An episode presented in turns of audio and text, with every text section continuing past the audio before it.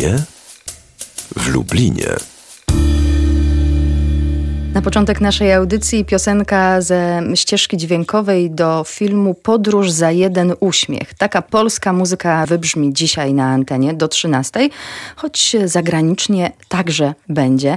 Łukasz Jasina w Radiu w Warszawie. Cześć, dzień dobry. Kłaniam się. Cześć Agnieszko, dzień dobry Państwu. Piotr Wierzchoń program realizuje, Agnieszka Krawiec przed mikrofonem. Zaczynamy po polsku, ponieważ okazuje się, że tematyka, którą podjęliśmy w ubiegłym tygodniu bardzo Państwa zainteresowała i w mailach okazało się, że dużo więcej seriali Państwo zaczęli sobie przypominać e, niż tylko te, o których mówiliśmy na antenie.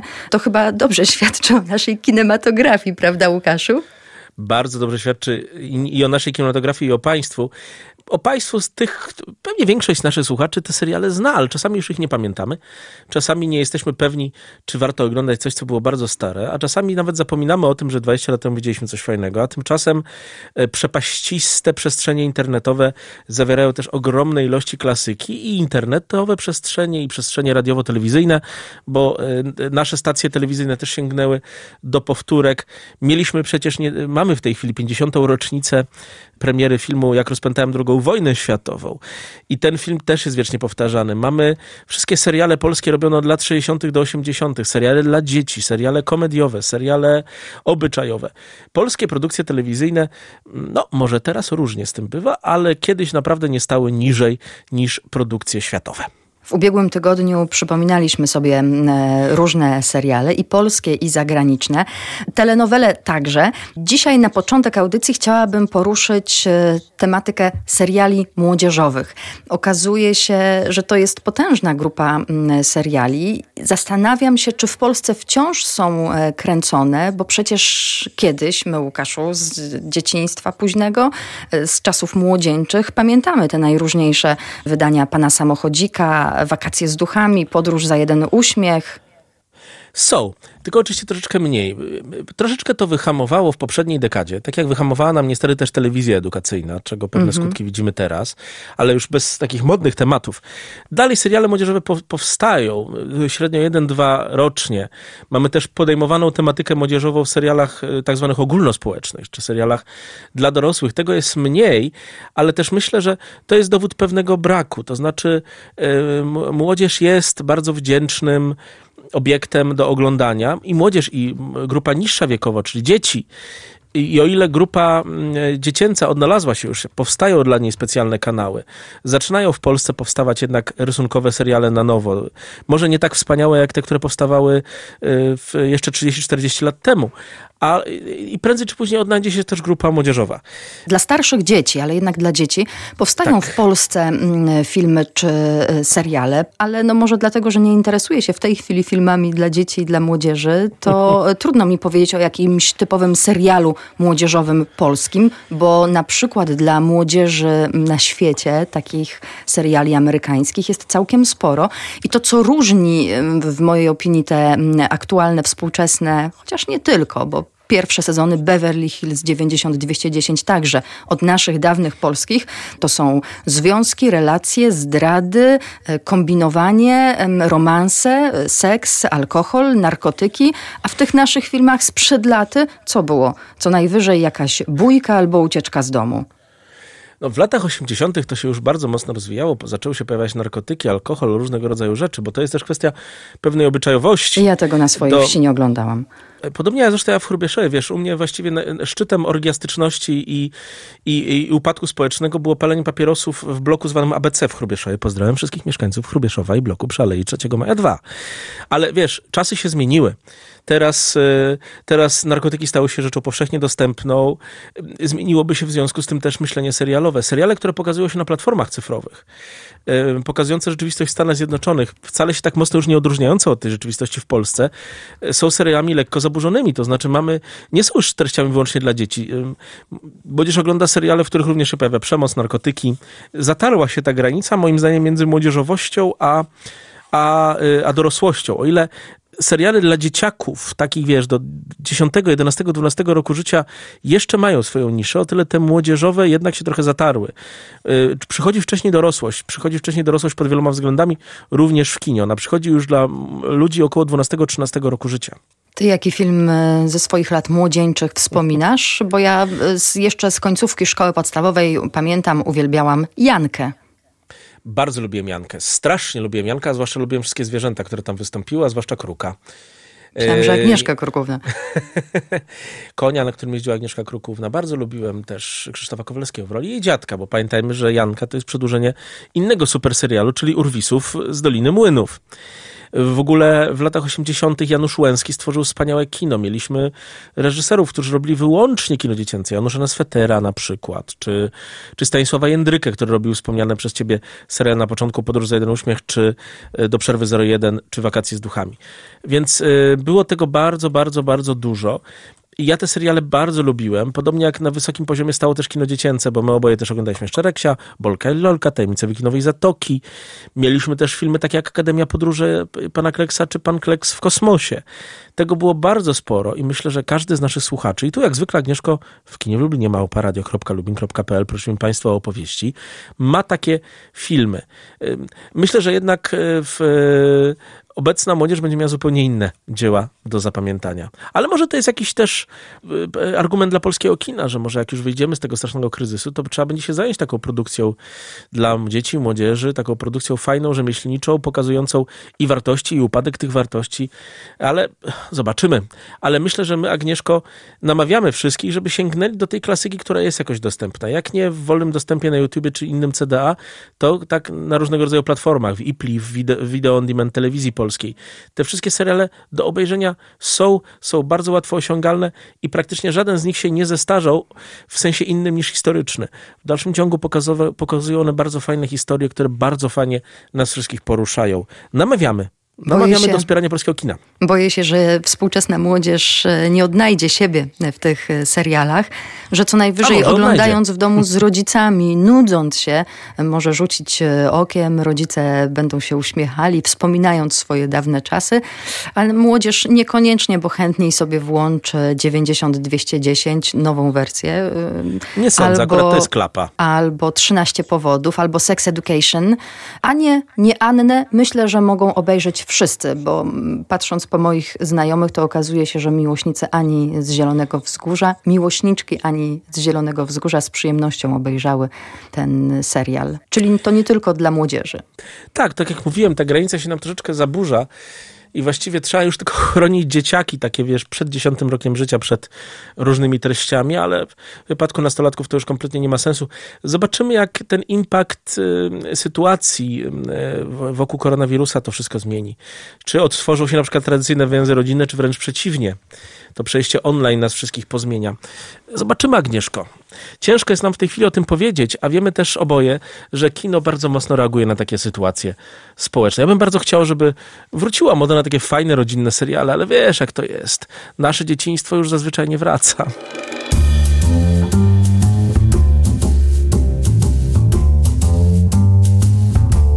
W kinie w Lublinie. Pozostając w temacie seriali, w ubiegłym tygodniu nie powiedzieliśmy o dwóch tytułach, które dla mnie niegdyś były bardzo ważne, a myślę także, że dla przekazu telewizyjnego były w jakimś sensie przełomowe. Pierwszy z nich to miasteczko Twin Peaks. Pamiętam, że ten film był na tyle mroczny i wciągający, że mimo lęku oglądałam go oczywiście. Mało tego, na targu w Stalowej Woli kupiłam sobie wtedy jeszcze kasetę ze ścieżką dźwiękową do filmu A ja na targu na ulicy Ludnej w Hrubieszowie na miejscu dawnego dworca PKS, ale też z kolegą e, mieliśmy nawet taki zeszyt, w którym zastanawialiśmy się, kto zabił Laurę Palmer. Mm-hmm. E, więc to był serial naprawdę bardzo przełomowy. Notabene, i tu zahaczymy w końcu o mistrza Pendereckiego, używał David Lynch w drugiej serii Twin Peaks jego muzyki. Więc jest to też bardzo zasłużone dla polskiego kina. Reżyser robił w ogóle filmy w naszym kraju, ale Laura Palmer była czymś takim, kimś takim, takim zjawiskiem, które było przełomowe. Mieliśmy w ogóle takie seriale i tu już wchodzimy do naszego okresu nastoletniego, bo w latach 90. my też byliśmy raczej bardzo młodzi, Agnieszko, ale oglądaliśmy nie tylko Miasteczko Twin Peaks, oglądaliśmy archiwum Mix, które było dla nas serialem bardzo przełomowym. Ja byłem niesamowicie dumny z tego, że mam buty jak agent, agent Mulder. Dokładnie takie same buty skórzane miałem. Ale przypadkiem w Hrubieszowie, jak widać, można było kupić takie same buty jak w Stanach Zjednoczonych. Z archiwum Mix e, to też serial, który oglądałam. E, pierwszy, który miał elementy fantazy, który miał e, coś dziwnego. Dzisiaj w kinie fanką tego nie jestem, ale wtedy owszem, było dla mnie to coś nowego, lata 90. Tak, bo wiesz, my wtedy konfrontowaliśmy się na potęgę z tym całym nowym światem nagle okazało się, że te seriale, o których tak wspominaliśmy sobie przed chwilą, polskie, to nie jest jedyna rzeczywistość. Owszem, wcześniej były amerykańskie seriale u nas, ale one nie były tak dominujące. Zresztą ta dominacja i przypływ tych amerykańskich seriali różnych, od Twin Peaksu i z archiwum, o których wspomnieliśmy przez Beverly Hills 9210, była tak ogromna, że myśmy właściwie momentami wręcz zarzucali naszą rodzimą produkcję i nagle zaczęliśmy więcej wiedzieć o tym, jak wygląda życie nastolatków w Los Angeles czy Nowym Jorku, niż życie nastolatków na Lubelszczyźnie. No ale taka to już była ta rzeczywistość rzeczywistość i e, tego, co na nas wpływało, nie zmienimy. Uczyliśmy się dzięki temu, wiesz, jak wygląda życie zachodnie. Chcieliśmy mieć takie same bluzy, słuchaliśmy podobnej muzyki, chcieliśmy, żeby w naszych mieszkaniach stanęły te takie wielkie, grzejące i grające komputery, potwornie wszystkich męczące taka była rzeczywistość, która nas ukształtowała i to jest w tej chwili tak samo sentymentalne retro, jak, jak to, co byli nasi rodzice dla nas, swoje seriale z lat 60. chociażby. Te mm, trzy ostatnie tytuły, które wymieniłeś, to są też e, produkcje, które zostały e, po latach przywrócone do mm, kinematografii. Przecież e, nowe wydanie mm, Miasteczka Twin Peaks, nowe wydanie z Archiwum X, nowe wydanie Beverly Hills 90210 to pokazuje, że wcześniej czy później twórcy kinowi chętnie sięgają po sprawdzone formaty, sprawdzone tytuły. Tak. Co potem z tego wychodzi, to już inna sprawa. Wiesz, tak robi Hollywood ze wszystkim, więc dlaczego tego nie mają robić seriale? Ania z Zielonego Wzgórza doczekuje się jakiegoś filmu i serialu średnio za 15 lat. Z drugiej strony niby czemu się ma wyróżniać, skoro o Królowej Wiktorii jest film co kilka lat, czy o innych brytyjskich royalsach. To wszystko jakoś tak fajnie działa, bo dowodzi tego, że kultura jest jednym wielkim, permanentnym workiem, z którego czerpiemy i są pewne motywy, które zawsze ludzi zainteresują, bo zawsze zainteresują ich Trzech Muszkieterowie, zawsze zainteresuje ich Ania z Zielonego Wzgórza, zawsze zainteresuje ich kapitan, zainteresuje ich Juliusz Wern, czy, czy jakieś filmy o dinozaurach. I niech tak będzie, bo wiesz, y, y, nim się dochodzi do wielkiej klasyki światowego kina ala Oscar, y, ala Orson Welles, musimy jednak najpierw się nauczyć tego fajnego, podstawowego kina. Miłość do kina zawsze zaczyna się od, nie wiem, myszki Miki, czy jakiegoś filmu dziecięcego, a dopiero potem przychodzi czas na wielkie produkcje ala Ingmar Bergman to jest też taka pewna droga, którą ma każdy z nas, a niektórzy z nas na szczęście tej drogi przebywać nie chcą i wystarczy im ten wspaniały, rozrywkowy aspekt, pełen radości. Ważne jest to, żeby te produkcje były też dobre i wartościowe. Tydzień temu zmarł Krzysztof Penderecki, wybitny dyrygent, kompozytor i pedagog, człowiek, który związany był także z filmem. Bardzo. I czasami akcydentalnie, wypadkowo, Krzysztof Penderecki nie stworzył wielu ścieżek filmowych, e, które byłyby ścieżkami specjalnie do filmu napisanymi, ale był przez reżyserów filmowych jako twórca wykorzystywany. Ale najpierw e, oczywiście o ścieżce całkowicie dla potrzeb filmu stworzonej. W roku 1964 i 65 młody wtedy, 30-letni Krzysztof Penderecki, ale już coraz bardziej znany na świecie, stworzył ścieżkę dźwiękową do jednego z najbardziej znanych e, w historii polskich filmów, rękopisu znalezionego w Saragosie Wojciecha Jerzego Jerzego Hasa. I była to ścieżka niesamowicie ekumeniczna, niesamowicie synkretyczna, bo niemalże połowa z niej to są klasyczne, fajne utwory instrumentalne, łatwo wpadające w ucho, opierające się na różnego rodzaju motywach muzyki barokowej i rokoko z lat z XVII i XVIII wieku, ale druga połowa tej muzyki to jest taki wczesny, penderecki, klasyczny, eksperymentalny, jak to powiedzieli niektórzy moi, powiedzieli mi niektórzy moi nieznający się na muzyce znajomi, jakieś takie porykiwania, trzaski i stuki, ale bardzo koherentne, niesamowicie działające na ludzi, nagrane i tu ukłon dla naszych radiowców w studiu eksperymentalnym ówczesnym Polskiego Radia, które było jednym z, naj, z naj, najbardziej nowoczesnych ośrodków tego typu działalności w ówczesnej Europie. A później Krzysztof Penderecki w formie swoich wielkich e, dzieł, polskiego rekwiem, trenu ofiarom Hiroshimy, e, poli, polimorfii, trafia do filmów realizowanych przez najwybitniejszych hollywoodzkich reżyserów. W roku 1973 to jest Egzorcysta Williama Friedkina, film, który każdy oglądał i nie każdy sobie czasami zdaje w Polsce nawet sprawę, że poza Mike'iem Oldfieldem, który napisał tam popularne motywy, wiele motywów to Krzysztof Penderecki. W scenie początkowej na przykład jest Penderecki. Penderecki pojawia się u Lyncha, pojawia się w Lśnieniu Stanleya Kubricka, pojawia się w, również w filmach polskich, później realizowanych, bo polskie Requiem jest użyte jako ścieżka dźwiękowa Katynia Andrzeja Wajdy z roku 2007. Był to pierwszy Polak, pierwszy polski kompozytor, który zdobył tak wielką e, e, popularność w muzyce filmowej. Po nim właściwie tylko dwóch Polaków na świecie taką karierę zrobiło. Wojciech Kilar, też wybitny kompozytor, nie tylko w kwestiach filmowych, czy Jan Apykaczmarek, który akurat głównie filmem się zajmuje. Ale Misz Penderecki do filmu trafić umiał, wiedział doskonale, jak to robić. Sam bardzo lubił kino i myślę, że y, warto go wspomnieć też właśnie w naszym filmowym kontekście, a i w lubelskim, bo bywał gościem w naszym mieście. Całkiem niedawno zresztą miał swój ostatni występ w Centrum Spotkania Kultur, zwanym przeze mnie ciągle ironicznie teatrem zbudowanym już, a dawniej w budowie. Siedem bram Jerozolimy, który miałam przyjemność poprowadzić. Był to dla mnie zaszczyt, oczywiście koncert fenomenalny. No i właśnie to było moje ostatnie spotkanie z Krzysztofem Pendereckim. A jeśli chcą sobie Państwo twórczość tego artysty przypomnieć, to zapraszamy do internetu. Portal Ninateka PL proponuje blisko 150 dzieł Krzysztofa Pendereckiego. W serwisie Ninateka można też znaleźć wykonania pod batutą samego kompozytora, a także rejestrację wyjątkowego artystycznego spotkania Krzysztofa Pendereckiego i Grzegorza Jarzyny. Ponadto autorskie playlisty ulubionych utworów kompozytora ułożyli m.in. Elżbieta Penderecka, Marek Moś, Antoni Wit i Paweł Mykietyn ninateka.pl. Ninateka rekomendujemy zresztą zawsze i wszędzie, bo jest tam też bardzo wiele klasycznych polskich filmów i fabularnych, i dokumentalnych. Mówiliśmy o tym zresztą w poprzednich audycjach. Tam mogą Państwo odkryć pięknie odnowione fragmenty polskiego dorobku filmowego. Wciąż jesteśmy w jakiejś niepewności co do tego, mm, co nas czeka w ciągu najbliższych tygodni czy miesięcy. Dotyczy to także wydarzeń kulturalnych. Niestety kolejne wydarzenia są odwoływane, choćby lubelskie Miasto Poezji. Nie wiadomo, co będzie z Nocą Kultury, która tradycyjnie na początku czerwca. Nie wiadomo, co będzie z różnymi festiwalami filmowymi. Mówiliśmy Państwu niedawno o tym, że festiwal Cannes być może będzie przeniesiony na przełom czerwca i lipca, no ale jeszcze szczegółów organizatorzy nie podają. Wiemy już natomiast, że 60. Krakowski Festiwal Filmowy zostanie w całości przeniesiony do sieci. O tym we wtorek poinformowali organizatorzy. Streamingi filmów dostępne będą na stronie internetowej przeglądu, transmisje spotkań także w mediach społecznościowych. Jubileuszowy Krakowski Festiwal Filmowy potrwa od 31 maja do 7 czerwca. No, szczegóły mm, programu poznamy w połowie kwietnia. Twoim zdaniem, Łukaszu, to dobry pomysł, żeby festiwal przenieść do sieci? Tak, oczywiście niesie on ze sobą pewne ryzyka, ale dobry. Wiemy, że nie da się odtworzyć w sieci oczywiście jednej rzeczy, której tak naprawdę festiwale są organizowane. Momentu spotkania, którego, wiesz Agnieszko, sami z siebie znamy i wiemy dobrze, że nic nie nastąpi naszej rozmowy przy kawie. Jednak mimo wszystko rozmowa przez telefon, na czacie facebookowym, czy przez jakiegoś Skype'a, czy nawet teraz dzięki łączom jest jednak czymś będącym na miastko takiego spotkania.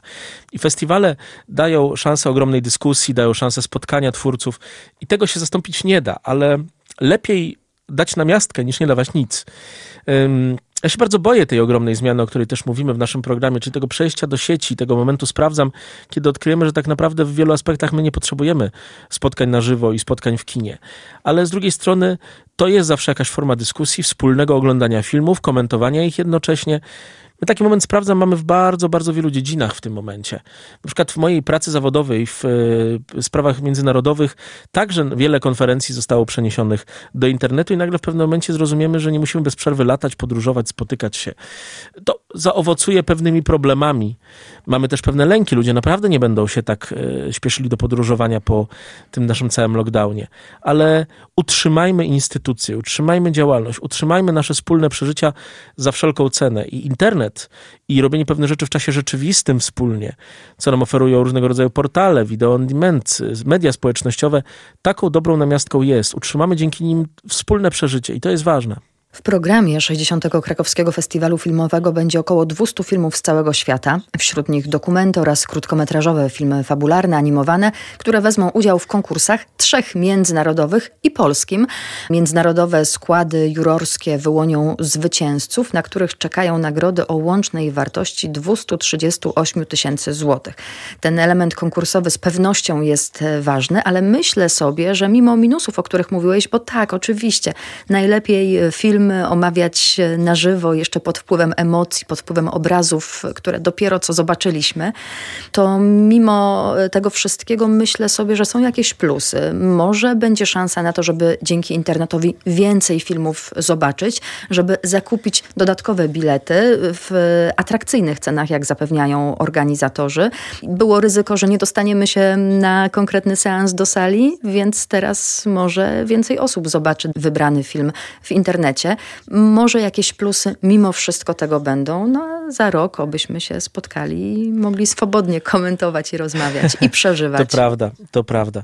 Nie, te zmiany będą ogromne. Te zmiany nastąpią, Agnieszko, ale miejmy nadzieję, że one jednak nie będą całkowite. Miejmy taką nadzieję. Tak często mówimy o filmach, e, które można oglądać, które polecamy, albo które są e, przyzwoite i, i jeśli rodzinnie je Państwo obejrzą, to nic złego się nie stanie. A teraz powiemy o filmach, e, które zostały uznane za najgorsze. Futro z Misia Kacpra Anuszewskiego i Michała Milowicza zostało głównym zwycięzcą dziewiątej edycji Węży, czyli nagród dla najgorszych filmów roku. Twórcy produkcji otrzymali nagrody za najgorszy film, najgorszą reżyserię, scenariusz i duet na ekranie. Oglądałeś Futro z Misia? Tak. Obejrzałem Futro z Misia. Nie mogę do końca powiedzieć Państwu w jaki sposób, ale to nie było w kinie. E, nie możemy promować pewnych zachowań. Natomiast e, bardzo mnie cieszy, że te nagrody zostały przyznane. To takie Wprawdzie... odpowiedniki amerykańskich Złotych Malin tak i kontrateza do polskich e, orłów. polskich orłów. E, każdy kraj to ma, bo każdy kraj ma filmy dobre i filmy bardzo złe.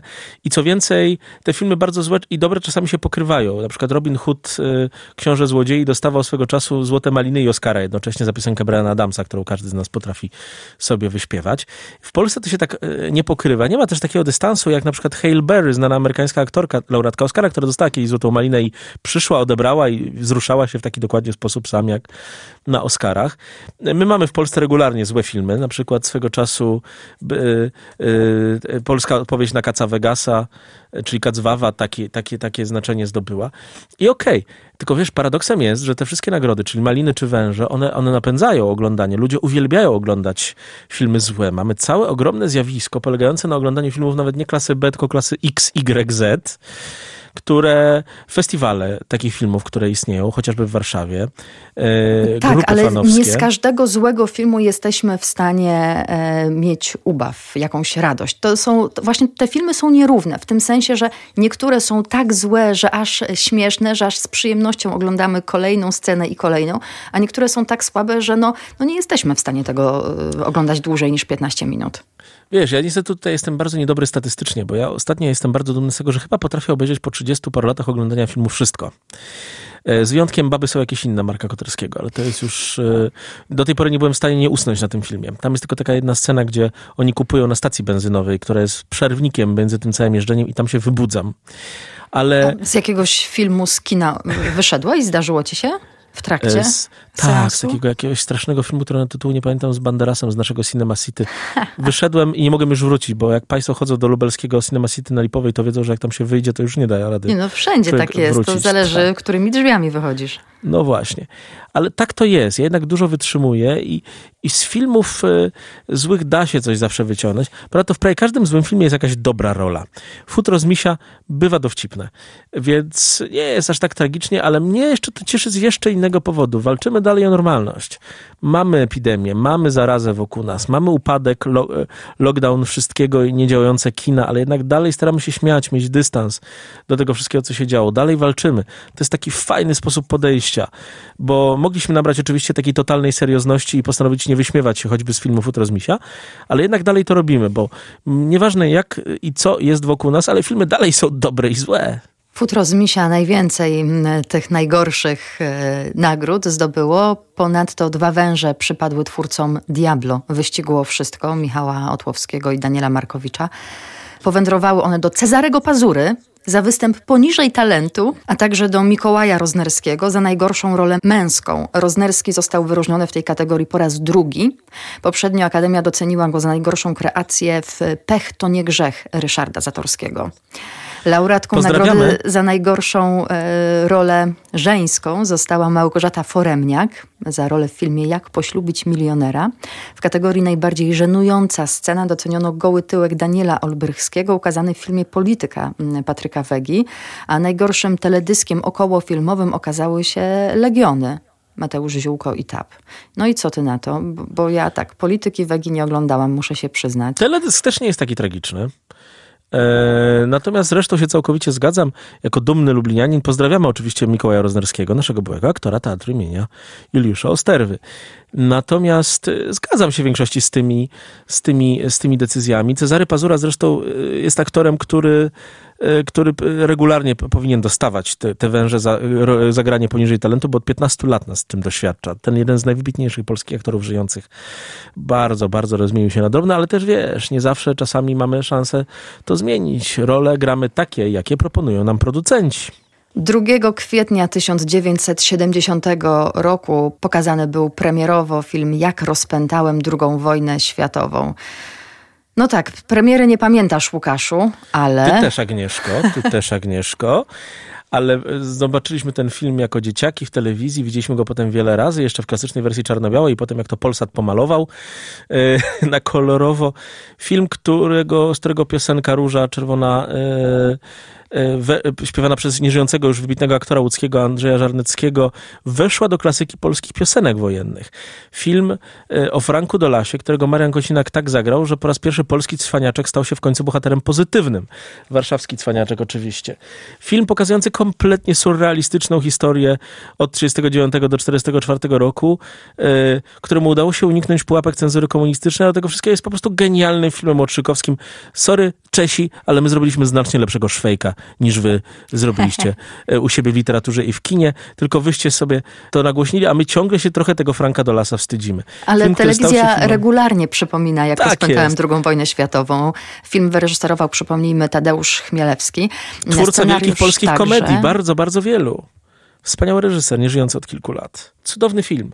Epizody epizody wspaniałych polskich y, aktorów, których byśmy w ogóle nie podejrzewali o to, że w tym filmie zagrają. Y, więc jedna wielka chodząca radość przez trzy części, począwszy od momentu, kiedy Franek Dolas rozpętuje tą wojnę poprzez strzelanie do Stanisława Milskiego, grającego niemieckiego oficera. Zawsze ich grał, bo, bo miał cudowny niemiecki akcent, yy, aż do momentu, kiedy yy, Franek Dolas tam razem z komunistami wyzwala naszą ojczyznę w 1944 roku. Film dobry, Akurat pierwsza taka różnica i bez Tadeusza Chmielewskiego, i bez Mariana Kociniaka, którzy już nie żyją, i bez Emila Karewicza, proszę Państwa, który umarł kilka tygodni temu, a tam próbuje wymówić jako ten gestapowiec yy, nazwisko Grzegorz Brzęczyszczykiewicz, który pochodzi z Chrzęszczy Grzeworzec, powiatu Lękolody. Że tak za, za, spróbuję zagrać to eł. Film dla nas wszystkich ważny, ważna rocznica, moim zdaniem równie ważna jak na przykład dla wszystkich kinomanów świata za rok, kiedy będą obchodzić 50-lecie premiery Ojca Chrzestnego. 50 lat? Tak kochana.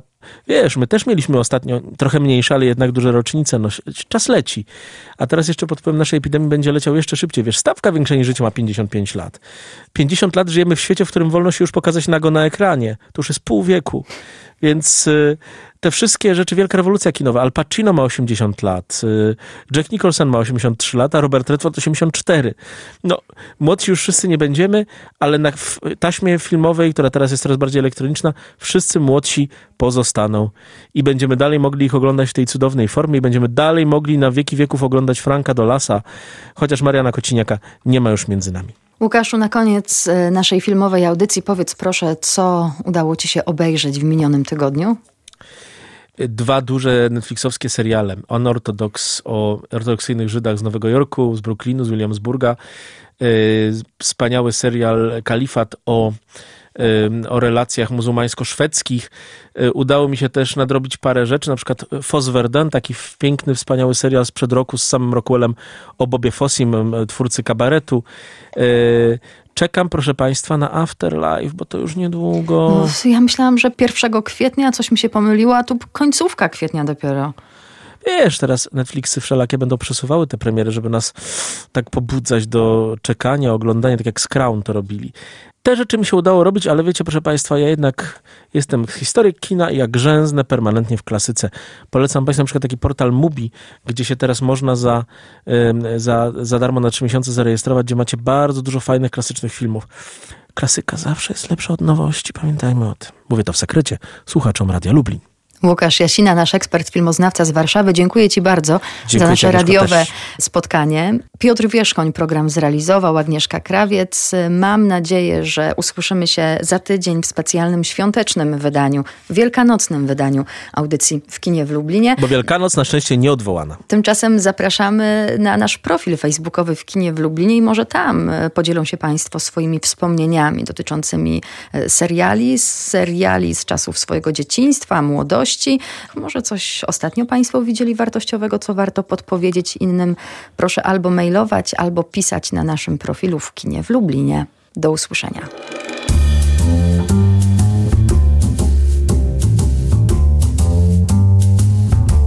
W kinie w Lublinie.